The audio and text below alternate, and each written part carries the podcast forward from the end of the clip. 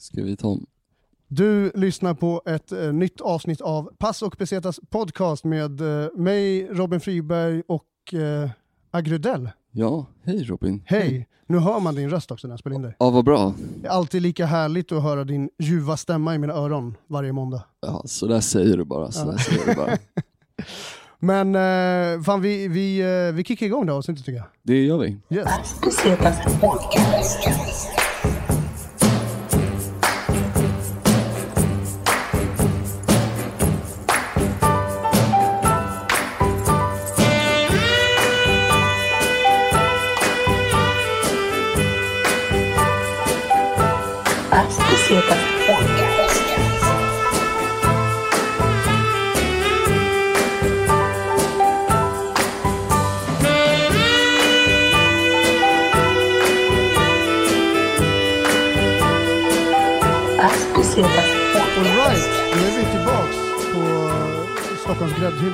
Östermalm, Ja, i som Pass och vanligt. Pesetas podcast. Och idag har vi två gäster med oss. Ja.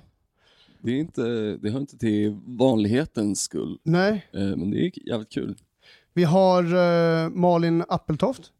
Ja, Hej, hej. välkommen. Tack. Och vi har eh, Tobias Aspelin. Jajamän.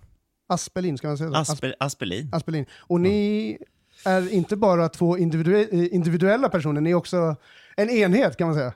Ja, vi Ja. sitter ihop. På många sätt. Ja. Ja. Vem är vems In- bättre hälft? Alltså...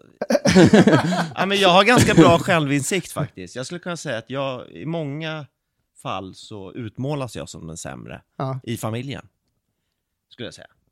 Där har du högre status än mig. Är det inte så? Du kan faktiskt få stå oemotsagd där. Ja. Men vi kompletterar väl varandra på Ja. ganska bra sätt tror jag. Ja, det är på något sätt när man har varit ihop länge så lär, lär, man lär sig liksom att anpassa sig. Hur länge har ni varit eh, ihop? Oj. 21 år. Mm. Ja, 21 år. Mm. Det är Wow. ändå... Det är bra, Det är bra jävligt- jobbat. Det är fan imponerande. Ja. Jag, eh, jag har levt eh, i en parrelation i lite mer än hälften av det faktiskt. Ja. Så att, eh, ja. Är ger du, hopp. är du kvar i den? Ja, vi är kvar Ja, jättemycket. ja. Eller jag är kvar, jag är fast. Ja. Jag, jag kommer inte ut mycket än. Och ni har planer på att fortsätta liksom? Jag tror det. Ja. Så länge hon orkar. Ja. Det är det allt handlar om. Men, För att ni är också, alltså ni sysslar ju både med, eh, framförallt stand-up. ja, eller i alla fall jag. Ja. Eh, Tobias, du... Jag är skådis, Ja. och, eller skådis, skådespelare och eh, manusförfattare och gör radiodokumentärer. Och fuskar lite med standup kan jag säga. Du har en liten fot i dig, du har doppat foten. Ja, jag har doppat foten, jag har gått några kurser och jag tror att jag har kört nu, kan det vara 11 gånger på scen? Någonting sånt.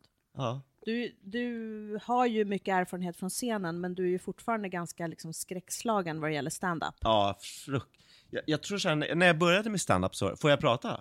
Ja, du, ordet är ditt. Jag tror att det är din fru du ska tala om. Du, får alltså, vi, du, du är Ja. Har jag jättevarmt ordet?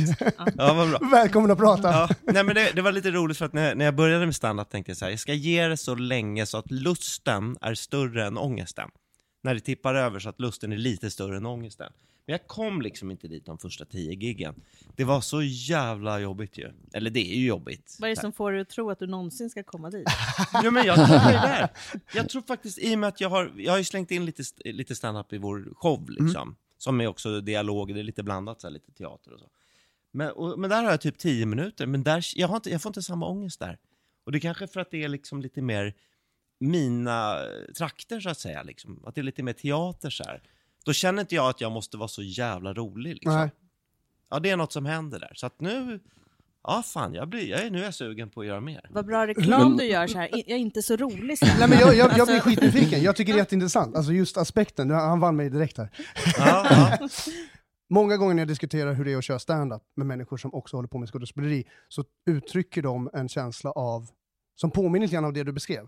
Det är en Ja. annan känsla med fötterna på scenen. Ja. Alltså det är, inte, det, är, det är någonting mer. Och jag kan känna igen mig lite grann i det själv också när jag står på scen. Att det är lite mera teatraliskt stand-up som jag typ vill syssla med, tror jag. Jag vet inte. ja, ja. Jag känner fan tvärtom, jag känner större skräck för att göra någon typ så här. om jag skulle göra någon karaktär i min stand-up, då känner jag att om det bombar, då är det jag är inte rolig och jag är inte en rolig skådis, så då är det dubbel eh, Dubbel ångest, ja. Men är du inte en karaktär liksom som, alltså på något sätt, du är ju alltid en karaktär när du går upp på scen liksom, eller en persona. Ja och nej. Men det är ju ändå liksom rätt ärligt material ändå liksom. Eller det kommer ju från någon sanning liksom, så det är ju inte... Men du är en förhöjd variant av dig själv kan man Absolut, väl absolut. En vinklad skulle jag säga. säga. Ja. Men... Eh, Men vad intressant, för absolut. att ni nämnde ju den här showen som ni snackade om. Mm. Vad, vad heter showen och vad handlar den om? Liksom? Äktenskapet, en show som står ut. Och det är liksom i dubbel bemärkelse kan man väl säga då. Att vi står ut med varann och ja, Va? Nej, men, ja. så tolkar jag Ja, det. nej, men vi tyckte vi var jäkligt fiffiga. Vi hade ju premiär på Lunds humorfestival. Och då tyckte vi, det var ju så många shower där, det är så otroligt många som är där och det är så mycket e- events och grejer som händer. Så vi tyckte liksom en show som står ut, det, det här måste ni bara komma på, det Ja. här är lite annorlunda. Ehm, så vi Funkade tyckte, det? Förstod de hooken liksom? Ja men det var fullt. Eh, sen gick inte premiären så bra då. Eh, våran tryout på Power Comedy gick ju jättebra men eh, nu är vi lite taggade och håller på och jobbar upp och finslipar och ska ut på lite turné i vår. Fan vad kul. Ja. Fan vad kul. Det ska bli jättekul. Hur länge hade ni jobbat eh, innan ni hade första liksom, tryout-showen? Ja, men det, jag tror det kom, vi hade ju en podd, eller har en podd, men den, den är inte så aktiv just nu, men typ fem år tillbaka, där vi liksom körde Eh, den var ganska in, framimproviserad. Och vi, vi, vi poddade alltid när vi var arga på varann. Alltså när vi hade, en, vi hade en konflikt liksom, som låg i luften. Och då tänkte jag så här, nu, nu måste vi snacka. Man hinner ju sällan snacka med tre barn och så här, och jobb och så. Så, så, så nu jävlar måste vi rensa luften. Och då satte vi på liksom, eh, bandan och så körde vi. Och, och, och det blev lite levande och liksom lite, ja, edgy sådär. Och sen så, den blev ganska liksom omtyckt tror jag. Också för att det var, det var både ångest men också roligt och vi gick på varandra ganska hårt liksom. Vi var ganska måna om att inte liksom ställa ut våra barn. Ah, men, liksom, ah. men vi utgår ganska mycket från oss själva och våran släkt och våra bakgrunder och liksom sådär. Men var ni förbannade varenda gång ni spelade in? Nej, inte Nej. förbannade, men vi hade väl lite så här olika synpunkter på saker och ting liksom. Som det, vi kunde, det kunde vara lite så här gnälligt liksom om såna här banala saker som disken eller du gör inte eller hur ska du göra nu eller nu är jag sur på. Men sen kunde det också ofta liksom leda till att vi blev sams och så hade vi kul. Ja, också. disken, det låter så jävla tråkigt. Ja men det var inte Nej, jag tycker att det låter som en ganska men... bra... Jag hade också Ja. velat podda med min sambo Ja. när vi tjafsar. Ja, men gör Jag det. hade, blivit, jag hade ju insett hur dum jag är och hur barnsliga grejer jag blir arg över hemma. Så att det är Ja. så här, Jag vet att det finns en liknande podd i USA som heter My Wife Hates Me och då sitter de bara och snackar men då brukar det ofta börja snällt och sen sluta i någon typ av bråk. Gud vad bra, den måste jag kolla upp. den Men- är men- jä- jä- jävligt kul faktiskt. Ja. Men, men det som hände då, det var att det var en gammal polare till mig som brukade lyssna på den där och han sa så, men ska ni inte göra det här på scen? Eller hur? Det var väl så det föddes? Det var faktiskt flera stycken som sa ni måste göra det här på scenen. Ja. Och vi kände själva att det vore kul att göra det, men hur? Alltså det är ju något helt annat. Hur ska det se ut? Ska vi spela upp sketcher eller ska vi liksom improvisera? Så att ehm, på din fråga hur länge vi hade jobbat så hade vi jobbat alldeles för kort egentligen, men tänkt jävligt länge. Okej. Så att eh, med premiär i slutet av augusti i Lund så kom vi inte igång egentligen ordentligt förrän på sommaren. Men vi liksom låg i startgroparna i februari eller något sånt där och började tänka och Affischen var klar typ i Ja. februari. Men hur går, hur, går, hur går skaparprocessen till när man dels är gifta och har ett privatliv men sen också håller på och jobbar på en show? För att det blir jag lite nyfiken Hur har ni skrivit innehållet? Eller ni, det, det, är inte, det är improvisation varenda gång. Nej, det varit så jävla jobbigt kan jag säga. Fy fan vad jobbigt det var. Vi har haft sån ångest för det här. Och jag, jag har he- hela tiden tänkt så här, nej men jag kan nog backa, jag kan ju backa ur liksom. Jag känner inte, just med stand-up-världen, jag, jag har inget ansvar för stand-up-världen. Jag sa, känns det inget bra och, och kommer vi inte vidare, då, då, då, då lägger jag ner. Det, och det, jag tror att jag sa, jag sa det också hoppas jag va? Nej, det gjorde du inte. För Jag hade jag, fall inte med i kontraktet, för jag kände lite i våras så här, ska vi inte komma igång? Och du var så här lite hal och bara ja, jag har inte direkt någon feeling och sådär. Men sen i somras var det bara, men nu, vi kan inte dra oss ur. Nu Ja. bara måste vi jobba. Och Hade ni barnen, börjat annonsera att det skulle komma? Hade Ja, ni börjat ja, ja. säga till folk också? Ja. Ja, ja. och barnen bara, vi har ju sommarlov så här. Och man bara, ehm, kan inte ni gå ut själva? Nej men det går ju inte, utan liksom, vi vill bada och Vi ska åka iväg till mormor och morfar ett par veckor. Ja. Nej men vi jobbade inte på sommaren. Jag tyckte vi, där var vi ganska duktiga. För ibland Ja. kan det ju bli så att man håller på med sitt jobb eller liksom sitt material så här, hela tiden. Ja. Då är man ju inte närvarande. Så vi började, man kan väl säga att vi började i augusti. Och, och, sist, och typ 29 augusti hade vi premiär. Ja, lite tidigare, men vi gjorde lite så här, nu, nu har jag skrivit en inledning, kolla vad du tycker om den. Ja, men då vill jag lägga in så här och så jobbade vi lite var och en. Jag jobbar på min standup, du jobbar på din standup och så testar vi på varann och finslipar och, och så skrev vi vissa dialoger ihop. Och det gick ändå ganska snabbt, men sen Mm. skulle vi ju repa in allt det där också. Står i vardagsrummet och en är sur och en är trött och ett barn skriker och man bara, vem har hängt tvätten eller vem har inte? Alltså det var jäkligt jobbig Ja, det är intressant Ja. skaparprocessen, alltså hela eh, produktionen i sig. För att det blir liksom, det är väldigt, jag antar att det skulle vara helt annorlunda om ni fick jobba med en kollega som ni inte var gift med. Ja, ja, Då ja. är det Ja, kanske gud, liksom ja. lättare att jobba Ja. mer, Ja. lite hårdare, rakare, Ja. så. Och här kom, det kom ju in några ungar hela tiden liksom, medan vi höll på, så vi var tvungna att bryta liksom, mitt i. Och så här. Sen Fan, vad frustrerande. det. Ja men så Ja. jävla Det, det är liksom, för att om, om det skulle vara en, vi säger en replokal någonstans, då eh, ofta så kommer ju kanske inte barnen in liksom. Nej. För det är en annat mentalt, alltså man ändrar ju mindset någonstans, kan jag tänka mig, som förälder eller som bara från att liksom vara scenpersona liksom. Ja. Ja, och sen så också, eh, eftersom du har, har ett vanligt jobb också vid sidan av, eller vid sidan av, det, jag menar, så du var ju rätt trött liksom. Så vi fick köra många sena kvällar och Ja. sådär. Ja, det var tufft. Ja. Ja men coolt att ni fick igenom det alltså. Ja. Det är Men nu är det lite så här, alltså. eftersom vi har gjort allt själva och står för allt själva så kan vi egentligen lägga in vad vi vill. Så nu är det bara så här, men nu vill jag lägga in det här grälet också och vinkla det. Och, alltså det egentligen kan vi hålla på med den här showen för alltid och utveckla den hela tiden. Det är en jävligt Ja. bra, det är en bra affärsidé. Absolut. Ja. Ja. det är ju bara en växande grej liksom. Ja. Ja, det kommer ju bara komma nytt material. Ja. Cool. Kul.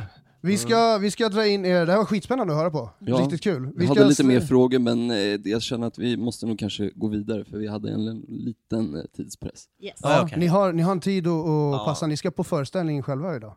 Ja, jag ska. Du Du ska, ska. ja, Mm. ja. Så. Så, maten minsann. eh, vi ska köra lite snabba, korta med er. Mm. Och så får vi, jag tänker så här, ni får, eh, vi slänger bara ut frågan så får vi se vad som händer i och med att ni ändå är gifta. Så det kan bli jättespännande. Det vore ändå kul om ni måste enas om ett svar Ja. känner jag. För då Ja, kan precis. det bli... Det blir det nya tillägget här nu med att Okej. ni, ni är ett gift par här nu. Ni Ja. måste enas Ja. om, om ett alternativ här. Ehm, så, eh, vi börjar med flyg eller tåg? Tåg. Tåg. Ja. Jag tror att du sa det bara för att du vet att jag gillar tåg.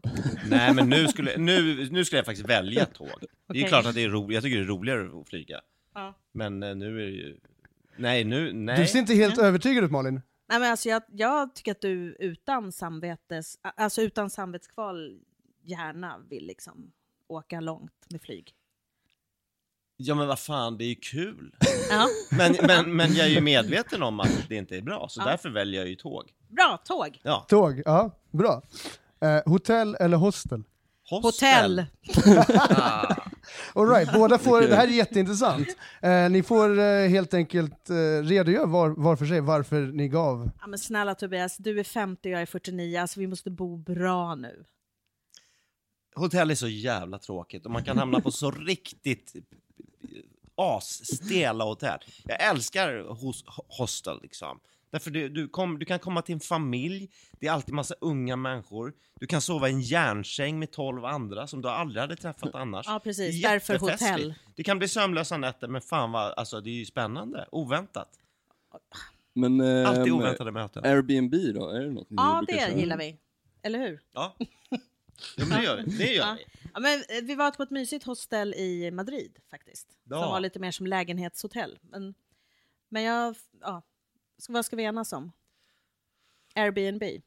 Ja, Det är en bra kompromiss. Fan vilken bra Ja, kompromiss. Airbnb. Airbnb, eh, det, jag tyckte också låter som en... väl, om ni reser med barn och så, då måste ju Airbnb nästan vara det softaste kanske. Att Ja. man liksom kan ha lite som en egen lägenhet. ja, Ja. det, jo men Vi det, hyrde ett hus i somras på, i Ischia, en ö utanför Neapel i Italien. Eh, Det låg i ett Airbnb-forum. Liksom. Det var otroligt fantastiskt. Vid en strand och med fruktträdgård och jättetrevligt italienskt par som kom och gav färska auberginer och avokado och tomater och citroner och Fan vad härligt. Och- äggs. nära Wow. affärer och restauranger och det var faktiskt topp, topp. Ja, Ischia, heter det så? Ja, en Är liten, det alltså en liten, eh, precis utanför? Eller? utanför Neapel, den mindre kända ön eh, i skuggan av Capri. Wow. Fan, det här låter ju riktigt nice alltså. Ja, riktigt nice. Och då bodde vi på lite olika ställen också, men det här stället var ju riktigt bra i det här huset. Men vi bodde också på ett hotell och då hade vi utsikt över havet och Vesuvius på, på fastlandet. Så jättefint. Jag tror vi Cool. pröjsade kanske alltså, knappt tusen spänn per dygn. Vi var fem pers. Aha, riktigt wow. bra. Det är grymt. Ja, Det är jävligt bra. Mm. det där var ju ett eh, bra tips alltså. Ja. Riktigt bra tips. Ja, Så där har ni ett Italien-tips också. Ja. Mm. Vi går vidare. Street food eller lyxrestaurang? Street. ja, street food. Bra Ja. street food. Vad är den... Eh, har ni någon, okej jag ska inte säga bästa, det kan vara svårt att bestämma, men någon topp street food som ni minns utomlands någon gång? Ja, jag har värst och det var när du åt nasi goreng tre gånger om dagen på Bali. Det var, Berätta om det det, var här. Var, vidrigt. var, varför, eh, berätta om den här historien. Men alltså, vi skulle åka till Bali, vi hade bara varit ihop i några månader. Det var vår första semester sådär. och vi bara, fan vad romantiskt med Bali. Dag ett blev jag så jävla magsjuk så att det liksom var fruktansvärt. Och Tobias var så här, inga bakterier liksom bet på honom. Han käkade ju något litet liksom skyffe i något hörn på någon gata med döda hundar och bilar och avgaser och käkade nasi goreng dygnet runt. Och det såg ut liksom som var... Och jag var så här jätteförsiktig, jag sköljde allt och liksom... Och var jättesjuk hela tiden. Och du bara käkade på och mådde jättebra. Ja, men jag har ju lärt mig det från mina, alla mina resor, att man ska få i sig bakterier Tid, lagom tidigt ja, stadie. liksom. Ja, faktiskt. så man vänjer liksom. Ja. Ja. Så jag biter på naglarna ibland och då är det jättebra att inte tvätta händerna för ofta, så man får i sig en, en, en rejäl dos med... Ja men, eh, Alltså jag tycker, jag, jag håller med. Jag, Ett det, annat det där tips. har varit jag också, alltså, men typ jag bodde i Indien som, som liten och sen var jag Okej. där med några polare och alla blev assjuka. Jag klarade mig i flera månader. men vad körde du för knep? Nej, det var bara att jag bodde där och blev assjuk i ung ålder och då satt det där liksom kvar sen. Alltså bakteriefloran, den är van eller klarar sig bättre i alla fall. Mm. det är ju någon sanning i det du säger, absolut. Så är det ju. Mm. Men, Och så, eh, och så kan man ju dricka lite, så här, yo- alltså, lite yoghurt och få i sig lite... Det brukar jag köra i, men det har jag kört i Asien mycket, sån här Jak- Yakult. ja, lite Små flaskor med någon slags... liknande som ayran typ. Eller vad man Ja, just det, precis. Eller lassi. Eller? Ja, precis. Ja. Lassi. Mm.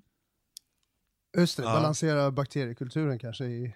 Säger jag här som någon doktor, så här. jag kommer in med, med expert. jag bara, ja, bakteriekulturen. Ja. Ehm, ja men cool. Eh, alkohol eller cannabis?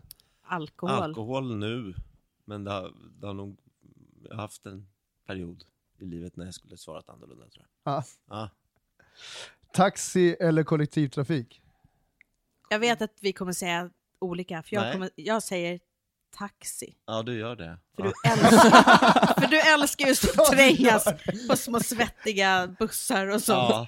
Jag tycker det är skitskönt när man är utomlands, så man bara, jag ska dit, så bara, fsch, åker man med en trevlig chaufför. Men du gillar ju det andra. ja, jag tror att jag är så jävla...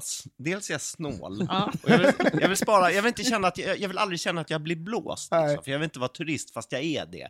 Jag vill alltid känna att jag liksom har bott där och smälter in och så här. Skit. Fan vad jag känner igen mig Och det är så Alltså, svennigt egentligen. alltså. Ja. Men också att man hamnar, man får gå, man får byta, man får stå och trängas. Så. Ja, jag Ja. gillar det alltså. Ja. Jag känner igen mig från, alltså så här, från flygplatsen, då gillar jag att ta taxi för då är jag oftast liksom mör och bara vill fram liksom och komma fram. Och sen kan jag åka tunnelbana men just taxi från flygplatsen förespråkar jag alltid. Ja, från flygplatsen håller jag nog fan också med alltså. Men, men du är taxi all the way? Nej, Malin? men alltså det är klart, alltså, för det första så gillar jag mest att gå. Ja. Jag vill helst vara på ett ställe där Mm. jag känner, okej, kartan, på med gympaskorna, jag Ja. går. Jag älskar att ha en stad eller en plats där man tar sig fram för egen maskin. Cykel är ju grymt också Mm. faktiskt. Men, men, att, Mhm. men jag hatar det där man ska gå ner i underjorden och ta en jävla gul linje eller liksom, och så vet man inte riktigt var man är, man vet inte riktigt åt vilket väderstreck man åker. Och, jag tycker det är så tråkigt bara. Ja. Jag älskar att sitta i taxi, man tittar ut, man ser folk och man ser byggnader. Och Det är liksom, man gör en liten geografisk karta. Jag gillar också att gå. Ja, det är bra att du nämner det. Både gå och cykla. Ja. Men, men det, det, det är intressant, för det är, människor är väldigt olika hur man vill uppleva städer. Och jag tror att upplevelsen av en stad ter sig väldigt olika beroende på transportmedel eller hur man Mm. tar Ja, sig gud, runt. Liksom. Det finns väldigt in, mycket att utforska. Liksom. Mm. Eh, Berlin tycker jag är skitintressant per fot, men också jätteintressant i kollektivtrafiken. Och säkert en helt annan upplevelse i taxi, liksom, till exempel. I Eh. Danmark noterade jag att eh, sätena på tuben går lite för långt ner så att inte folk ska kunna sova på dem. Är det så? Ah. Ja, Ja. Som att det ska kunna tura liksom. ja för, att alltså bara, för de har inga chaufförer eller personal på dem. Så de vill väl bara inte att folk ska sova på tågen. Ah. liksom. Ja, just det. Det är obekvämt att sitta. Du håller dig vaken hela tiden för att du... Ja. Jag tänkte både i Köpenhamn och Berlin så cyklar ju folk mycket. ja. Fort och utan hjälm. Så att vi var lite så här, vi tog sedan dit vi kom och liksom cykla med barn i galen trafik utan hjälm. Det var lite så här, Ja, det var lite läskigt faktiskt. men trevligt. ja. Nice. Okej, vi enades kanske inte om något här, men Nej, Nej, men, nej, precis. måste vi det? Alltså, Men om, Men om ni hade, åker om, om, ni, tillsammans? om ni hade åkt tillsammans, exakt. Hur Då- hade ni gjort då? Om det här hade varit, vi säger, vi hittar på någon plats och så, så står ni så här, hur kommer ni fram till, liksom, vad blir det självklara valet? Liksom? jag tror så här. jag har fått driva ganska mycket familjen liksom tidigare. Eh, för att jag har varit så liksom, tydlig på hur jag vill ha det. Men sen har jag upptäckt att det blir jobbigt, med, i alla fall med barn som är hungriga och trötta och svettiga och det är varmt. Så nu har jag börjat fatta, men det är nog mer, för familjefriden så är det nog bättre att vi, att vi tar taxi till exempel. Så nu skulle jag nog göra det tror jag. Men om jag var själv, då skulle jag åka kollektivtrafik. right. Eller gå, typ. Ja. Men som en enhet då får det bli taxi. Ja. Ja. jo. ja, eller gå. Får man säga gå? Ja, men inte från en liksom tågstation till till fyra kilometer till något hostel. Nej, du skulle nog vika dig nu kanske. Ja, jag Taxi. tror det. Taxi. Skönt. Utan aircondition. Pool eller playa? Playa. Pla playa. Ja. Ja, absolut. Det är nice med pool men havet är alltid Ja. underbart. Vad har vi för mest eh, minnesvärda playor som ni, när ni tänker tillbaks på platsen ni har varit på? Långsjön. Nej men... ehm, ehm, ja, men jag gillar nog grekiska stränder mest faktiskt. ja, fast det kan vara grus och, och grejer. Korf Helt okej. Helt okej. Jag, jag har varit på en, en helt fantastisk på La Isla de Miel, tror jag den hette, i, i Brasilien. Eh, som var helt fantastisk eh, strand. Den Vad var det som nice. u- utmärkte den till att bli så fantastisk? Den var så, det var liksom en ö som var så här väldigt oexploaterad och väldigt vild och, och lite galen. Där hade de just vandrarhem där man kommer så här, hallå, man hade bokat innan liksom. Så kommer man dit så här, hallå, ser inte, det gick någon jävla leguan, heter de det? Någon stor, Mm. stort farligt djur gick vilt där och knaprade gräs liksom. Och så kommer man in, så kommer det ut, man, jag ropar och ropar och ropar, så kommer det ingen. Så kommer det ut någon tjej som liksom precis knäpper blusen. Och då förstår man att hon har varit inne och gökat med, med, det var någon slags Med familje... receptionisten. Ja, ja! De har varit inne och gökat och liksom... Eller sovit middag. Nej, för att det var... Eller typ matat sin unge eller vad. Nej, men han var jävligt pårökt alltså när han kom ut. Det var liksom så här helt galet. Man fick inte betala för att han ville ha, du vet, ja, de, eller betala fick man, men det fanns inga kvitton. Alltså allt var så här. Det var en sån ö, Ja, jag liksom. fattar. Ja. men fantastisk strand. Ja. Helt otroligt. Cool, cool. Ja, jättefint. Eh, vi har en fråga, sista frågan som kommer vara bungee jump eller spa. Och den får alltså representera eh, äventyr och adrenalinkickar kontra typ, Chillax. ja, och typ bara... Och hänga och bara ja, Ja, Ja, men det är hänga på svårt. playan typ. Det här är Som- svårt alltså. Jag skulle ju säga bungee jump. Ja, och jag skulle absolut säga spa. Mm. Det, det också är lite så att vi har svårt att ha semester ihop. Det, Ni har vill helt med, olika liksom, eller? Ja, men vi har till och med det i vår show, att Tobias vill helst att semestern ska vara lite farlig. Man vet inte om man överlever, om man kommer tillbaka. Och jag är lite mer kär att semester kanske är att man ska vila upp sig, så man orkar med och göra något annat. Så vi har lite olika Hur kan ja. det här te sig då? Hur kan man, hur, hur, hur, eh, vilken situation har det varit väldigt tydligt när ni har varit ute och rest? Att ni ändå har lite olika... Men jag tror framförallt, om vi reser själva, bara vi två, då kan vi ändå kompromissa ganska bra. Då kan det vara liksom att vi eh, knallar Madrid runt. Sådär. Då kan vi, du kan sakta ner lite på ditt tempo och jag ökar lite på mitt. Men när vi åker med barnen och du inte kan eh, varva ner. Tobias ska alltid bestiga ett berg eller krossa en flod. Eller kors, alltså, det ska hända något hela tiden. Och då, Ja. då blir det mycket att du delar upp dagarna, så du går ju upp skittidigt och bara försvinner liksom. Och står på någon bergstopp och bara ringer bara “Jag är helt slut”. Men, man bara “Kom, vi badar, vi har jättetrevligt”. Så bara, Ja, men då är ganska nö- om jag har fått göra det innan. Det är verkligen så att jag, att jag har lärt mig hur, hur jag ska deala med det där. För de, sov, familj, de ligger ju och sover och liksom chillar och käkar frukost till klockan ett. Och så har man missat hela dagen. Så jag brukar börja med att, ja men typiskt Stig Edberg, jag gick upp på någon vulkan. Men det var lite läskigt också för att är man själv och ramlar ner, ah, det var ju en krater liksom, så, den, alltså den var, den var död, vulkanen. Mm. Den var inte varm. När är liksom djupa... Liksom, Jävligt ja, djup och ja. det var snårigt och jag började glida och liksom så att jag skrapade ju upp lite. Alltså, det kan ju hända om man skulle bryta ett ben, då finns det ju inte så mycket dålig täckning och så. här. Men jag, jag brukar göra den typen av grejer, eller sticka ut och springa eller så. Och sen kommer jag hem lagom tills de går upp. Och då kan jag chilla sen. då är du helt slut resten Ja, ja. Men ändå bra kompromiss tycker jag. Alltså Mm, ja. någonstans så här, för då, då är det kanske bara du i familjen som vill göra de här grejerna. Ja, Och då gör du det. Och så är det så här, så sitter ni hemma och skrattar åt honom att han är ute och gör något. Så vet ni inte om han kommer tillbaka med ett brutet ben eller Nej. inte. Liksom. Nej, det är alltid lite sådär, man vet aldrig riktigt hur ska det gå. men spa, alltså menar du liksom då så här lavendelhanddukar och lite Nej, inte rökelse? nödvändigtvis, inte nödvändigtvis, men bland annat, alltså med det här, äh, kanske ligga vid, vid, vid poolen och liksom, eller playan och bara, Nej. Sitta på en restaurang en hel dag och bara beställa in grejer och dricka bärs, Nej, det skulle jag inte kunna. spela kort. Det skulle jag inte kunna även om jag vi- vi- ville. nej. Tror jag. Men du Malin skulle kunna tänka dig att liksom, Oh ja, alltså när jag bara bodde... njuta, ha det lugnt och liksom, Ja. ja. Ja, det är det bästa jag vet, att sitta i lite halvskugga och titta på havet och skriva en dålig dikt. Ja. Lyssna på en bra podcast. Bara känna att man tittar på folk i livet så här. Då, många timmar kan gå, det är nice. När skrev du en dikt senast?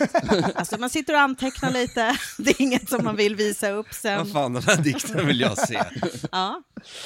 Ja, men fan vad grymt, vad roligt. Men, men hur är det då, om vi ska säga, ehm, vi lägger in en extra grej, så här, skillnaden mellan att resa med barn och utan barn. Vad skulle ni säga? Som familj, skillnaden att resa med eller utan barn. Vad är liksom det... Det är jäkligt kul att resa med barn för man liksom upplever något tillsammans och man är ett gäng. Sådär. Men eh, det är ju inte så mycket vila, eller liksom, det, det är så mycket för barnen hela tiden, för, på deras villkor. Så att eh, man är ju rätt trött när man har rest med barn, tycker jag. Så att, att resa som vuxen själv är ju mer kanske en upplevelse för en själv, om det är det man vill åt. Ja, å andra sidan blir man lite bortskämd då med att det är så lugnt. Liksom. Jo, Kommer du ihåg när vi skulle gifta oss? Ja. Och vi åkte på smekmånad innan vi gifte oss. Eh, och vi var så trötta. Så jävla rätt alltså. Ja, då hade vi ju tre barn redan. Liksom. Så det var första gången tror jag vi var utan liksom, alla barn. Mm. Och vi var så jävla trötta så vi, vi var så, det var så oromantiskt. Vi gick i så här fotriktiga skor, keps, likadana shorts. Du vet, det var så här, det var som en camping liksom, Ja. på 80-talet. Ja. Med små ryggsäckar med vattenflaska och liksom så här, längs någon strandpromenad fram och tillbaka. Så kollar man så här, fy fan vad tråkiga folk Kolla hur folk ser ut, vilka jävla kärringar. Så bara så kollar vi på, på, på oss själva bara. Men Ja. vi ser ju precis ut som dem. Ja. Så la vi oss liksom, det det var i, Solkusten utanför var Malaga. det maj eller? Ja, lite, var vår, det ja, var liksom sent inte- i maj var det. Ja. Så låg vi i varsin solstol och bara prata knappt med varandra liksom. Det var som att vi hade varit gifta i 50 år redan. Nej men det var så här, skaffat tre barn på sex år. Det liksom tog ut sin rätt. Vi gifte oss Mm. när vi hade varit ihop i tio år. Det var bara, vi var helt slut. Det var så här, ska vi gå ut ikväll? Alltså det inte. helt slut liksom. Jag Men, trodde vi skulle gå på så här spännande, inte, inte strippklubbar kanske, men spännande klubbar och dansa och vara uppe hela natten och bara bada näck i någon pool och typ göra inbrott någonstans. Och, nej men vara så här wild and, så här unga och wild Ja. and crazy tro, trodde jag liksom. jävla bröllopsresa efter tio år. Men ha, eh, tjatar era barn på att så här, de vill åka någonstans? För jag kommer ihåg att jag tjatade på mina föräldrar bara Fan, kan vi inte åka dit? Typ. Det verkar så jävla nice. Man såg typ reklam på TV. och Sånt där. Men finns det något ställe de har tjatat om de vill åka till? Men nu är de lite sådär miljömedvetna. Alltså Mhm. våran son som är 19, han börjar bli lite miljömedveten nu. Han har tjatat ganska mycket i många år om att han vill åka till exotiska, lyxiga ställen.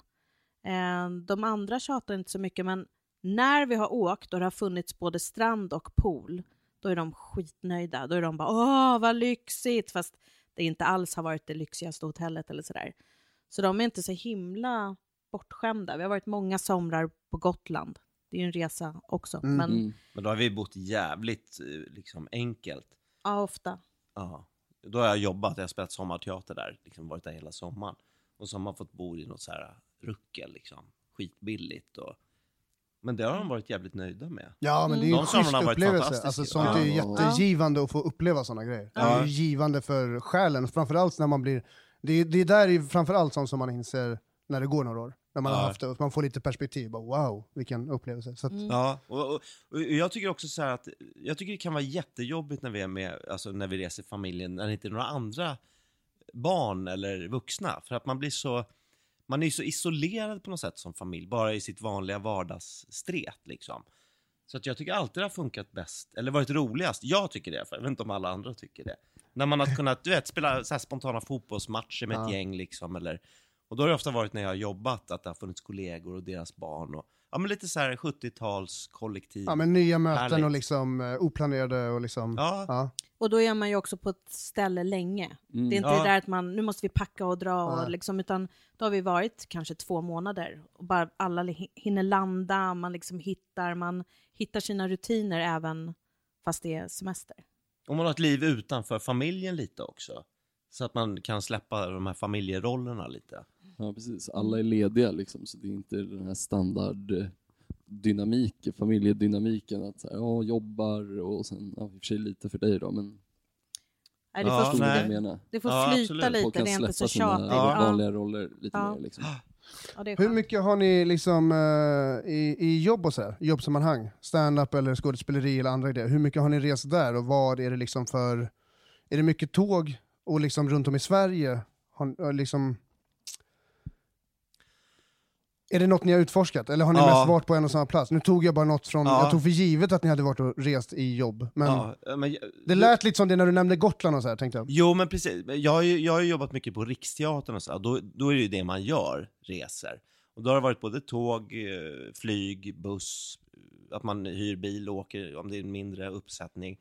Eh, och sen så barnteater har jag varit ute och spelat också. Man Hur är det att resa och- med liksom ett helt gäng med skådespelare och en hel produktion? Det Alltså, beror, det- på vad, Vilken produktion det är, beror på vilken produktion och vilka man reser med. självklart. Ja, det kan verkligen vara himmel eller helvete.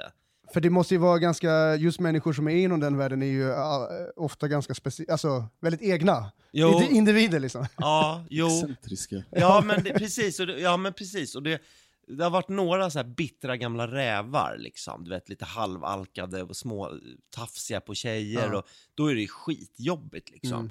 Men det har också varit fantastiskt kul, liksom, när man har kunnat verkligen komma nära varandra och hitta på kul grejer. Och man har spelat i Malmö så har dragit över till Köpenhamn, liksom. Och, så, så det har varit jättekul. Men sen så i förra året hade jag ett jobb där jag skulle typ spela så här, på, på, det var så här företagsjobb på engelska. Där vi spelade, vi var i Kina, det var den där Brasilienresan då. Vi var i USA, vi var i Kanada, vi var i Indonesien, Thailand. Ja, vi flög ju jättemycket. Men då, det var jävligt speciellt. Då Ja, det- flög ja. vi kors och tvärs. va? Vilken jävla tour. Ja, det var riktigt coolt. Det måste ha varit väldigt olika typer av publiker, även om det Ja, det var var, företag, men, men det, var, det var bara företag då? Eller? Ja, det var bara företag. I de här olika länderna? Ja, Ja, okej, okej. För det var Fan, liksom vad ett, det ett finskt företag som hade så här worldwide eh, liksom personal som jobbade i hela världen. Eh, och, då, och, då- och då skulle vi, det var en grej för säljare, hur man jobbar med feedback och olika, att kunna ändra psykologiskt i förhållande till den man möter. Så gestaltar vi olika roller och olika här, situationer, cases liksom. Så då jobbar jag med en säljare, så att det var jag och, alltså jag var skådis och det där var en anställd. Som, och vi skulle Just det, spela. ni iscensatte en situation En mellan situation. en kund och en säljare. Ja, okej. precis. Och de fick förutsättningarna och så improviserade. Eh, Och så fick deras polare sitta runt och så gick man igenom alla liksom. Fan vad häftigt. Ja, det var väldigt speciellt. Då reste, då reste vi mycket. Mm. Fan kul. Mm. Jag har inte alls rest sådär mycket, men i stand-up så reser man ju. Ja, precis. Och det är Väldigt oglamoröst. väldigt Många oglamoröst. Ja, faktiskt. Ehm, tåg och bil och buss och flyg några gånger också såklart. Men jag älskar det med stand-up. När man plötsligt bara, aha nu är jag i Skellefteå. Vad, vad hände här? Alltså det, det är kul tycker jag. Man kommer till ställen man inte skulle komma annars. Vilken är den minnesvärdaste liksom, platsen du har kommit till i koppling till stand-up? New York. För eh, jag och eh, Anneli Abrahamsson, vi gjorde en eh, föreställning som hette Det är aldrig för sent att bli olämplig. Och så kallade vi oss motherfuckers. Och då åk- åkte vi över och eh, körde den för svensk publik på Greenwich Village Comedy Club. Coolt. Det var kul. Fan vilken speciell eh, grej ändå, alltså, Ja. att få uppträda för svensk publik. Alltså dels bara i New York först och främst, men, men även för en svensk publik på amerikansk mark. Ja, det, det var väldigt kul och det var väldigt blandad publik. Det var några au pairer, några som jobbar på UD, några, alltså det var väldigt, men det var kul. Jättekul. Hur satte ni ihop den produktionen? Var det liksom med någon, de som... Eh, men, ehm, Anneli och jag hade ju kört den några gånger i Sverige på olika ställen och eh, sen hade jag lärt känna Clayton Fletcher, en eh, amerikansk komiker som bor i New York och eh, han drev den här comedyklubben. Och så hörde jag av mig till honom och sa så här, vi har en show, det vore jättekul att komma och köra den på svenska, vad tror du? Och han bara, absolut, ni kan komma och köra den på min klubb. Så att, ja, det tog ju några månader att planera, men det blev av, så det var jättekul. Fan vad coolt. Det var några dagar innan Trump blev vald, så New York var så här hett liksom. Folk var... Man märkte på gator och torg liksom att det hände någonting. Ja, det var skitcoolt. Och så fick du med dig yngsta sonen också. Ja, han var med också. Kul. Ja. Fan, grym, grym resa. Mm. Men jag tänkte på, vi ska ta, ni har tagit med lite, någon resa som ni ska berätta om. Ja, Mm. Vad ska vi få höra om? Nej, men alltså jag tror Tobias har nog de bästa reseberättelserna. Jag har jobbat på hotell och bott utomlands och sådär. Och folk blir ju lite galna när de kommer utomlands. Men jag tror du ska Vad hade berätta. du för tjänst på hotellet liksom? Jag jobbar med shower. Så att ehm, vi hade show varje kväll och så var man hotellvärd. Man hade liksom after beach och man eh, var DJ. Och, alltså man var, Det var allt både, okej, ja. Ja, Det, det var- finns, vad heter det? Eh, Sunwing jobbade jag på. Sun, jaha, Ja. okej, cool. Där har jag Ja. varit som liten. Ja, Eh, mycket på, på Cypern var jag på Sunwing och såg liksom mycket så här. Det var typ servitörer som också var skådespelare samtidigt. Så Ja. och lite, ja, vi var inte servitörer utan vi var liksom hotellvärdar. ja, sådär. Så, Så jag allt i allo, de har liksom tagit en tjänst som är liksom, ni ska vara allting. Ja, och så jobbar man sex dagar i veckan mellan nio och två på natten ungefär. Man stod och hängde tvätt klockan fem på morgonen och sen bara... Nej, men det var helt... Eh, vi var ett sånt bra gäng och man var ung, annars hade man ju liksom aldrig orkat. Nej. Men, Var det inte alltid någon hårdrocksmusiker också som fick vara typ Älgen Lollo eller något ja, men det var ju så här Lollo och Bernie som någon ska vara utklädd till i 30 graders värme. Och nu har ju. Petter Stordalen köpt upp Ving. Så hoppas han får vara Lollo någon gång, så han känner hur det är. Men, nej, men det var alltid det var någon som var bakis och spydde i Lollo-kostymen. Ja. Nej, liksom, Nej. Nej, men det var alltid, och, och, när vi bodde på Gran Canaria då, när jag jobbade där, då var det liksom någon gäst fick en jävla psykos och fick för sig att han var Jesus och klädde av sig kläderna och skulle gå naken till Las Palmas på motorvägen och liksom mina kollegor sprang efter honom du, du måste komma nu, polisen kommer och liksom han bara nej, nej, jag är Jesus, jag har ett uppdrag och men kom nu, om du kommer till hotellet får du en kopp kaffe. Okej, okay, då kommer jag. Alltså folk är galna när de är ute och reser. Men jag tycker du kan ta någon av dina. Ja, jag har en, en, jag tror jag har 90 17 då och så jag hade läst Jack Kerouac och On the Road och så jag ville liksom ut och upptäcka världen och sådär. Så hade min brorsa gjort det fem år tidigare. Och han hade hamnat hos någon familj i norra Kalifornien, någon slags hipp, hippie-kollektiv där liksom. Och, och hängt där och bott där ett tag. Så jag tänkte så här, fan jag ska dit liksom och testa. Och jag beundrade min storebrorsa väldigt mycket. Eh, så jag fick adressen av honom och sen så kom jag till först New York och så fick jag bo hos några uppe i Boston. Så tog jag körkort där på två dagar. Jo, jag stod nakenmodell. Jag hamnade hos... Vadå på två dagar? Och då köpte tog du två dagar. körkortet eller? Nej, ja, men, nej, men man Eller alltså, betalade gjorde 20 själv- dollar eller vad det var. Eh, och så var det liksom sju frågor Du behövde ha sju rätt av tio på teoriprovet. Nästa dag var det uppkörning. Det var så, kan du svänga höger, kan du svänga vänster, kan du backa?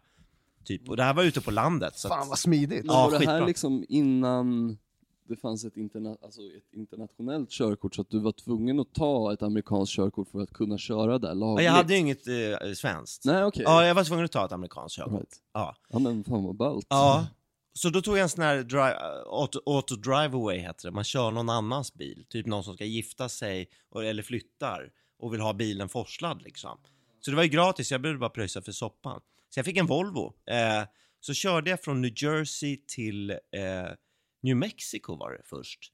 Och sen så på, på typ fem dagar, liksom. jag körde konstant dygnet runt. Så fick jag bo hos några där eh, som jag lärde känna och sen så stack jag till San Francisco och sen så stack jag upp till norra Kalifornien eh, och så bara knackade jag på där. För jag fattar inte att man måste höra av sig innan och boka tid eller är det okej att jag kommer och hälsa på? Så de visste ju inte vem jag var, var någon jävla Swede som kom dit. Då sa jag så I'm brother of Christopher, he was here five years ago. De bara, no that's not Okej. us.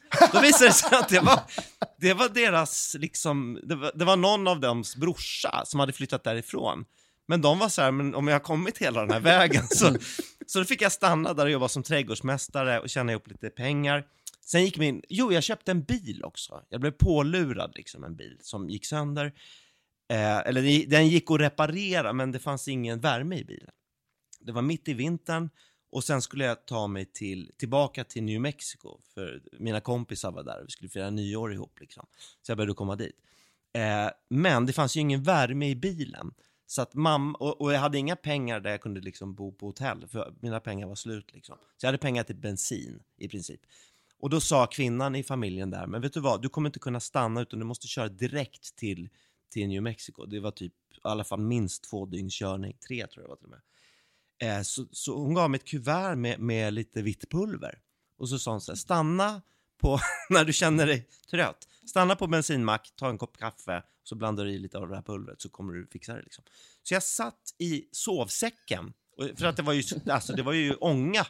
Jag såg ju knappt rutan, den immade ju, eller den frös ju fy igen. fan, ja. Och så var det snöstorm. Eh, och sen så, först åkte jag på så här, utanför Los Angeles, så var det sån här Canyon Road. Och så bara dunk liksom, så bara skakade det till hela bilen. Så jag gick ut och kollade, men det var ingen punka och liksom. Men sen började den liksom gnissla lite. Så var det så här. Och det drog lite åt höger. Men jag menar, jag var 19 och du vet, efter ett tag blev man ju, man blev pigg av det där pulvret liksom. Så jag körde vidare. Och så såg jag ingenting för det var snö överallt, men så tänkte jag, jag måste följa baklyktorna på någon framför. Så jag vet att jag är på vägen överhuvudtaget. Jag såg inte ett skit liksom. Eh, och så kör jag och sen så någonstans i, i Tucson, eh, Tucson tror jag det var, Arizona, så ska jag svänga av för att tanka. Då, då inser jag att bromsen funkar inte. Så jag, så jag får dra i handbromsen. Så kommer jag ut och visar sig att tre såna här bultar från ett däck är borta. Så den sitter, bara på, den sitter kvar på en jävla bult liksom. Oh, shit. så det var precis i sista rycket att inte biljäveln liksom, ja. Du hade ju bara kunnat, eh, det där hade Ja, bara ja. kunnat ryka och du också av Ja, ja, vägen, gud liksom. ja. Det var ju så Shit. jävla eh, eh, knäppt. Och så hade jag inga pengar, så jag, hade, jag kunde inte laga bilen liksom. Jag hade inte råd med det. Så att jag stannar och så, det var någon verkstad där också. Så bara går jag till snubben och säger, du det här har hänt, jag måste ta mig till New Mexico. Och det här var liksom precis i de här helgdagarna liksom. Han var på väg att stänga, men så sa han så här, vet du vad, eh, jag ska se vad jag kan göra liksom. Eh, och så kör han till någon skrot, han hittar lite, lite eh, extra delar. Eh, ja, det var ju mer än bara bultarna till, till hjulet, det var ju liksom massa grejer i den där bilen som, var, som, var, som inte, det gick inte att köra Fan, du med. hade blivit riktigt blåst när du köpte den där bilen alltså. Ja, herregud. ja, men det var det också jag upptäckte att, att vattnet försvann från kylan hela tiden. Därför att den läckte. Så jag var tvungen att stanna och fylla på liksom. Alltså det var så mycket konstigt med bilen. Men den här snubben, han fixar den där bilen. Eh, och jag sa så här, för jag hade berättat att jag inte hade några pengar. Jag sa, jag kan lämna mitt pass här, jag kan liksom, du vet, så kan jag skicka till dig sen och försöka få via konsulatet eller någonting. Som bara så här, no, it's okay. Merry Christmas, han. Och så fick jag åka därifrån. Wow. Ja, Fint. Riktigt coolt. Sen kom jag till New Mexico, till mina kompisar. Och en av mina kompisar var faktiskt Eagle-Eye Cherry. Hans tjej var med i någon sån här teatergrej som spelade i New Mexico. Och de hade någon fest där. Och då badade vi så här bubbelpool på nyårsafton utomhus med skåd, någon skådis från, från E.T. Någon av barnskådisarna i E.T. Jaha, som hade aids. okej. okej. Ja. Och, och var Random- full random och, ja, och var full och skar sig på en flaska. Åh, Nej, nej. nej. I poolen. Nej. jag-? I poolen? Ja, och det här var liksom på, var det, fan, 90, vad ja, det var sjukt. 90-talet. Så att jag liksom, jag, jag lämnade den där poolen och Ja. kände så här, fan, jag vill inte Ja, få just, aids. just på 90-talet också, ännu mindre info om liksom. Precis, ja. man visste inte riktigt Nej. smitta och sådär. Så jag kände att jag lämnar den här poolen liksom, även om han är så här, att det är coolt att, Även om han var bra, även om han var bra i filmen så liksom. Ja. Åh jäklar Ja, alltså. alltså. alltså fan bisarr. Ja, det var en, det var en märklig Men vad fan, var du rädd någon gång? Ja, förutom vid poolincidenten då, men, men eh, kanske när du körde bilen? När du Ja, märkte alltså, jag, var- den jag var inte så rädd, jag var inte så, jag tänkte liksom inte så mycket på döden och sånt där då när jag var 19, men jag var mer rädd för mig själv faktiskt, för att jag, jag märkte liksom, när det gått två och ett halvt dygn och jag inte hade sovit eh, och körde, och jag blev lite så här aggressiv i trafiken. Du vet, så här, ingen ska tro att den kan köra om mig och sånt där liksom. Och jag hade haft, jag menar jag tog körkortet på två dagar så jag var ju inte så här superbra på att köra liksom. Så jag blev lite övermodig och jag vet ju inte vad det var för pulver. I Vad var det för pulver? bara ingen ska tro att de kan köra förbi med, med värsta Ja, rucklet. men man fastnar ju, du vet koppling, gas, det, det liksom händer något med Däcket fötterna. wobblar. så- Däcken wobblar och så är man lite så här aggressiv. Så det var mer det. Jo, och så, så började jag, jag började höra röster också. Efter. Det gör man ju om man är uppe, om man är vaken länge. Det är väl gärna ett sätt att liksom drömma kanske, fast man gör det i vaket tillstånd. Då var jag lite nojig liksom, när jag stannade där. Då kändes det att det var nog bra att jag stannade här för att, eh, ja, lite. Var det lite varmare där nere vid Arizona, eller vad sa du att det var då? Nej men det var, det var fortfarande vinter och liksom snö och kallt och så. Det var det liksom. Så, så det är fortfarande inte stanna och sova i bilen Nej för läge? fan. Nej det kunde jag, det kunde jag inte. Fan, Sen alltså. värmer ju motorn på lite om du kör liksom. Men hade länge, du kommunikation med någon? Alltså för det här är ju ändå, det är ju innan... eh, Var det, är väl inte ens, en, alltså man börjar inte ens använda mobiltelefoner Nej, nej, nej. Alltså Det det, är fortfarande pengar, alltså coins Fy liksom... Coins i automaten. Ja. Hade du bilstereo? Kunde du lyssna på radio? ja, radio fanns. Det fanns det. För det, ja precis, det känns Bra lite radio. ensamt. Alltså sällskapet, det känns som att det ändå måste varit ganska... Jätteensam. Men väldigt utvecklande måste det vara. Alltså det måste ha hänt mycket med... Nej men alltså, som att uppleva det där vid 19 års ålder, det är ganska mycket. Ja, jo, men det var häftigt. Men det, var där satte liksom ribban för hur du tycker resor ska vara. Det är lite grann det jag, var, Ja, så jag, tänkte ja, på. precis. jag, har tänkt, jag börjar förstå varför du ska liksom bestiga vulkaner Ja. medan familjen är hemma och äter en mysig hotellbuffé, liksom. Ja. frukostbuffé. Jo, men och jag plockade upp liftare va, som liksom... Jo men det alltså, det hände, alltså jag gjorde det. Jag hängde med någon kille som, som han var jävla crackhead alltså. Som skulle hämnas på sin kinesiska flickvän som hade blivit ihop en brandsoldat. Han var den första jag träffade i San Francisco. Och vi hängde en hel kväll. Du vet, och han tog fram ett rör och började suga i sig crack liksom. Så ska du ha lite? Och det, där, där, där, där gick det ju någon Men vadå, slags gräns. skjutsade du honom då? Nej, honom träff... jag hade skjutsat en annan kille som också var lite konstig. Han pratade konstigt och, och honom Men- var jag lite rädd för. Men minns du, hade du inget var du så ung så att du inte hade någon konsekvenstänk? Ja, alltså, var- du, du, ja. du reflekterade, om du minns, det är ju kanske... Nej, men jag tror också att jag ville Hade- utsätta mig. Alltså, Ja. jag, jag ville Okej. uppleva liksom, inte faror Nej, men- nödvändigtvis, men jag ville upp, upp... Jag menar, du det sökte ju upp ingenting. situationer som, skulle kunna, som du inte visste hur det skulle Ja. kunna sluta. Men Ja. också så, som du sa, inspirerad av typ som On the Road och liknande liksom, böcker. Man Ja, men ju, precis. de är ju väldigt, liksom, man romantiserar ju det i huvudet själv Ja. också. Och bara, fan shit vad nice det låter. Mm. Spännande, men de har överlevt. Och Ja, Det gjorde ju du också. och erfarenheter och liksom att prata med människor som man inte kanske skulle göra. Och gärna så här uteliggare och ja, men lite så här... Har du någon situation eh, efter det här som, där du någonstans har fått användning av den här upplevelsen som du hade, den här resan? Alltså att du liksom i möten med människor, eh, alltså flera år senare eller liksom... Ja, alltså jag, ja, jag, jag tror att det har präglat mig mer än vad jag kanske har fattat. Liksom att på något sätt att förhålla mig till att bänken är aldrig långt borta, liksom, tror jag. Eh, sen skapar man ju trygghet och plattformar för sig själv, men, men så tänker jag nog fortfarande liksom. Eh, och kan slå mig i slang med folk utan att känna att man måste hela tiden värna om sin trygghet liksom. Jag tror att de flesta människor är schyssta liksom. Eh, tills de bevisar motsatsen. Eh, och jag vill gärna leva så.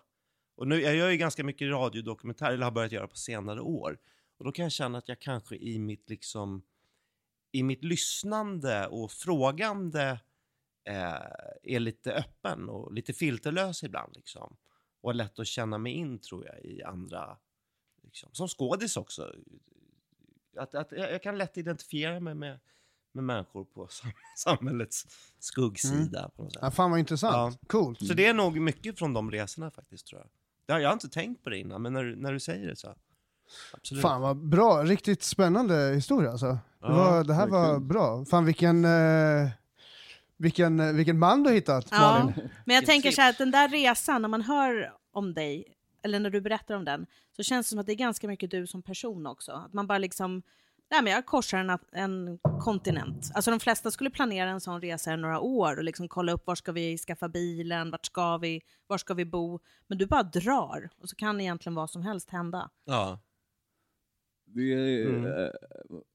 Vad- säger man, jag hade, hade ordet på tungan, eh, det är beundransvärt tycker jag. Eh, det, det känns inte som att du har det mindsetet att någonting är ett problem. Nej. Alltså så här bara, äh, vadå, jag tar väl körkort när jag kommer dit och det, det är ju fan, ja det är, Det kan ju, vara att man, kan ju vara att man är 19 också. Ja, ja jo, det är absolut. lite så. Men jag tror att jag var väl säkert för feg för det när jag var 19 alltså. Ja, det där hade inte jag vågat göra, utsätta mig för när jag var 19. Inte en chans. Min morsa Men- hade Nej. inte låtit mig dra tror jag knappt. Alltså. Nej, men, det, men jag tror att det är det också att min farsa, ha- han hade ju inget, eller han, jag tror att han hade någon inställning. Min morsa var väldigt så trygghets, liksom, eller så, lite eh, rädd för mycket, liksom, tror jag, vad det gäller barnen. Men han var ju tvärtom, liksom, att, för att han hade varit så inlåst när han var liten och aldrig fått prova grejer. Och hade legat på sjukhus och sådär, så han var bara kör liksom. Du vet, tågluffan om man är 14, jag stack till Japan när jag var 15 liksom. Mhm. Skulle bli karatemästare, du vet, hoppa av skolan och du vet, det ordnar sig. Bli vad, du kan bli vad du vill liksom. Lite, lite den mentaliteten. Så jag tror att vi, vi, vi fick vi fick, vi ut, vi fick sticka ut på vift liksom från tidig ålder. Vad sa din bror när du kom tillbaks? När du berättade om allt? Från där? Ja. Nej men han tyckte det var jättekul och roligt. Men det här med att det var fel personer och allt. Nej men han bara var- garvade. Ja. Och de var ju hippies liksom. Ja. Det var ju inte så här att de sa “Who are you?” och Nej. stängde dörren, utan de var så här Jo men du vet hon var ju också den här, den här, det var också, men det var faktiskt ett övergrepp kan man säga. Hon, hon, eh, hon blev ju kär i mig. Det var fakt- men jag har tänkt på det efteråt, fan vad konstigt det var. Hon som gav dig det vita pulvret. Ja, ja. Hon gillar mig stenhårt, för hennes barn skulle bli så här ekonom... Du vet, de var så här väldigt så här ordning och reda. Hon tyckte de var lite tråkiga. Och så såg hon mig då som hade kommit från Sverige. Och du vet, så här, Åh, vad spännande. Och jag var nog mer som hon hade liksom velat att hennes Ja. barn skulle bli. Ja. Vi pratade om allt. Och, och så skulle hon, hon höll på med tyger. Hon hade en affär som hette Nature, Nature's Hideaway. Som var så här, lite, klart hon hade. Ja, så här batik. Så hon skulle iväg och sälja lite tyger och köpa tyger i San Francisco. Hon ville ha med mig på den här resan. Och så skulle vi sova över i San Francisco. Bokat in oss på någon jävla så här eh, motel, du vet så här längs vägen. Med såna här blinkande lampor och, och, och då en dubbelsäng liksom. Och så ligger jag där och liksom, ja men så, du vet, kom en hand på låret och sådär. Och sen ingen mer, för hon kände väl liksom att jag backade. Och Jag menar, hon var väl 40 liksom, och jag var 19 så här. Eh, men det var konstigt, alltså, Ja. då tänker man ju efteråt så det där var ju fan inte okej. Varför alltså. tänkte du inte det då? Varför tänkte du efteråt? Ja, men det, det ingick väl också i den här bilden Ja. av att saker ska hända. Men jag, menar, jag hade ju inte velat liksom bli våldtagen av henne. Eller liksom, Nej. du vet, även om man är 19 så kanske man inte är pigg på det. Ja, men liksom. precis. Det är ändå Det är ändå liksom... lite kul att så här, det var den du kände dig hotad av Ja, på den här exakt. resan. Efter bilresan, precis. Ja. En 40 år hippie som du sov till bredvid. Ja. Och hennes man var så jävla snäll. Det var ju det också. Jag tyckte det var så okej, konstigt okej. att hon höll på sådär. Han var liksom så jävla snäll. Jag kommer ihåg, han, han, han var lite så här, han byggde inte sitt hus, han, byggde, han var snickare så han gjorde allting själv. Han byggde inte, han använde inte spik, eh, utan bara fogade ihop liksom bitar med varandra som ett blockhus. För, han, för det här var liksom sacred ground, det var indianernas mark och när de dör, då ska allting försvinna. Mm, Det ska inte finnas spår där. Han var lite före sin tid. Ja, verkligen. ja, verkligen. verkligen. Så han tog mig till något så här där två floder korsar varann och tände en joint liksom. Och Mm. han pratade inte så mycket, men vi satt där och han, skulle, han ville visa liksom, här bor vi, liksom, här funkar det på det här sättet. Så jag tyckte det så synd om honom också att hon, hon var ju inte otrogen, men att hon ens, ja. De hade, nog snackat, ihop- de hade nog snackat ihop sig om den här grejen sen. Kanske, Fan, det är den du 19-åringen som kommer, nu jävlar! Så här. Han kanske ringde över någon 19-åring medan hon var borta. Ja, så kan det vara. Men eh, fan vad grymt. Jag tänkte, har ni något ni vill eh, göra reklam för liksom? Vi har showen som ni håller på med. Eh, den kommer man ju då kunna se. Ja, men vi kan väl säga i Stockholm är vi 30 och 31 januari och 1 februari. Det är en torsdag, fredag och lördag är vi på Teaterbrunnsgatan 4, alltså 2020. Vi pratar nästa år. Och sen åker vi till Skellefteå 21-22 mars, var det så? Ja, i februari. Februari. Vi är på Dalateatern 7 februari, var det så? Jag kommer inte ihåg. Jag kanske säger helt fel Ja. datum nu, men, Någon och- familjeterapikonferens liksom. ja, men det är kanske inte öppet för alla, men det är Nej, inte nej, förrän i maj. ändå.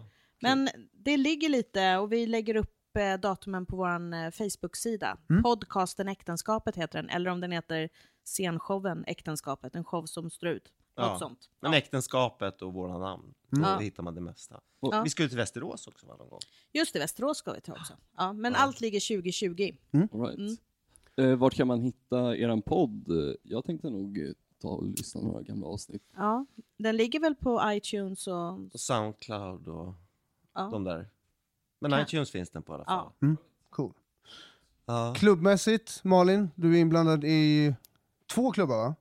Ja, stand-up i Hägersten och vi, nu är vi bara på ett ställe. Vi har haft lite fler lokaler. Men just nu är vi på landet vid telefonplan och där är vi nästa gång 5 december. Då kommer Ahmed Beran och Thomas Oredsson och några roliga till. Skoj. Det kommer bli jättekul. grymt. Ja. Mm. Eh, Instagram, ska man följa er någonstans? Jag heter Malin eh, liggande understreck Appeltoft.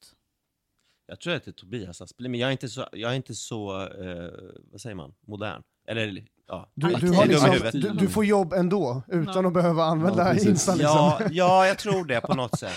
Fan, jag är avundsjuk Ja. på dig alltså. Ja. Nej, men ja, det är inte alltid man har jobb. Det är det inte. Jag skapar lite mina egna också ibland. Men dina dokumentärer kan vi ju göra reklam för. Eller kan du göra reklam Ja, för? det kan jag göra. Det kom ju ut en igår som känns väldigt aktuell. Ja, precis. Berätta. Det var, det var ett kulturreportage mer fördjupat. Som heter Teatermannen, makten och tystnaden.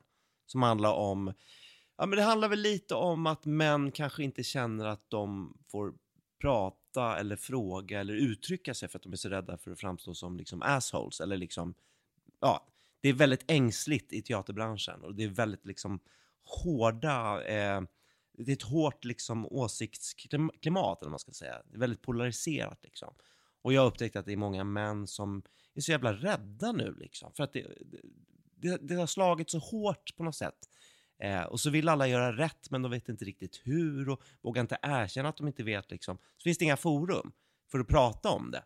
Så att eh, jag gjorde en, en, ett reportage helt enkelt med, med snubbar liksom, där de får prata Vart kan man de hitta det här? grejerna. Den finns på P1 Kultur. Men man kan slå på Teatermannen, Makten och Tystnaden. Men sen har jag gjort fyra, fem, nej fyra andra också eh, dokumentärer. Så om man slår på mitt namn och radiodokumentär så kommer de upp. Jag har gjort en, bland annat där jag följt Malins standup-karriär i ett år, Mm. som heter Min roliga fru. Där är mycket standup. Den är ganska rolig. De andra är lite tyngre. Ja men fan vad spännande. Det, en här måste, man ju, det här måste man ju kolla upp alltså. Oj, okej. Ja, men så det, det kan vara alla möjliga typer av ämnen? Ja, Det är inte absolut. något som du går specifikt in på? Nej, det slår åt all, jag slår åt alla håll. Fan, Fan vad spännande. Men Ja. eh, fan tusen tack för att ni var med i Passo Pesetas podcast, Malin Appeltoft och eh, Tobias Aspelin. Tack så Tack så jättemycket. mycket. Jättekul. Kul att vi fick till det här till slut. Ja, Ja. jättekul. Ja. Verkligen. Nu ska i alla fall Tobias, du ska springa på show och titta. Ja, Mm. Så vi ska släppa iväg er. Men eh, vi hörs och syns nästa gång. Det gör vi. Ja. Tack så jättemycket. Hej då.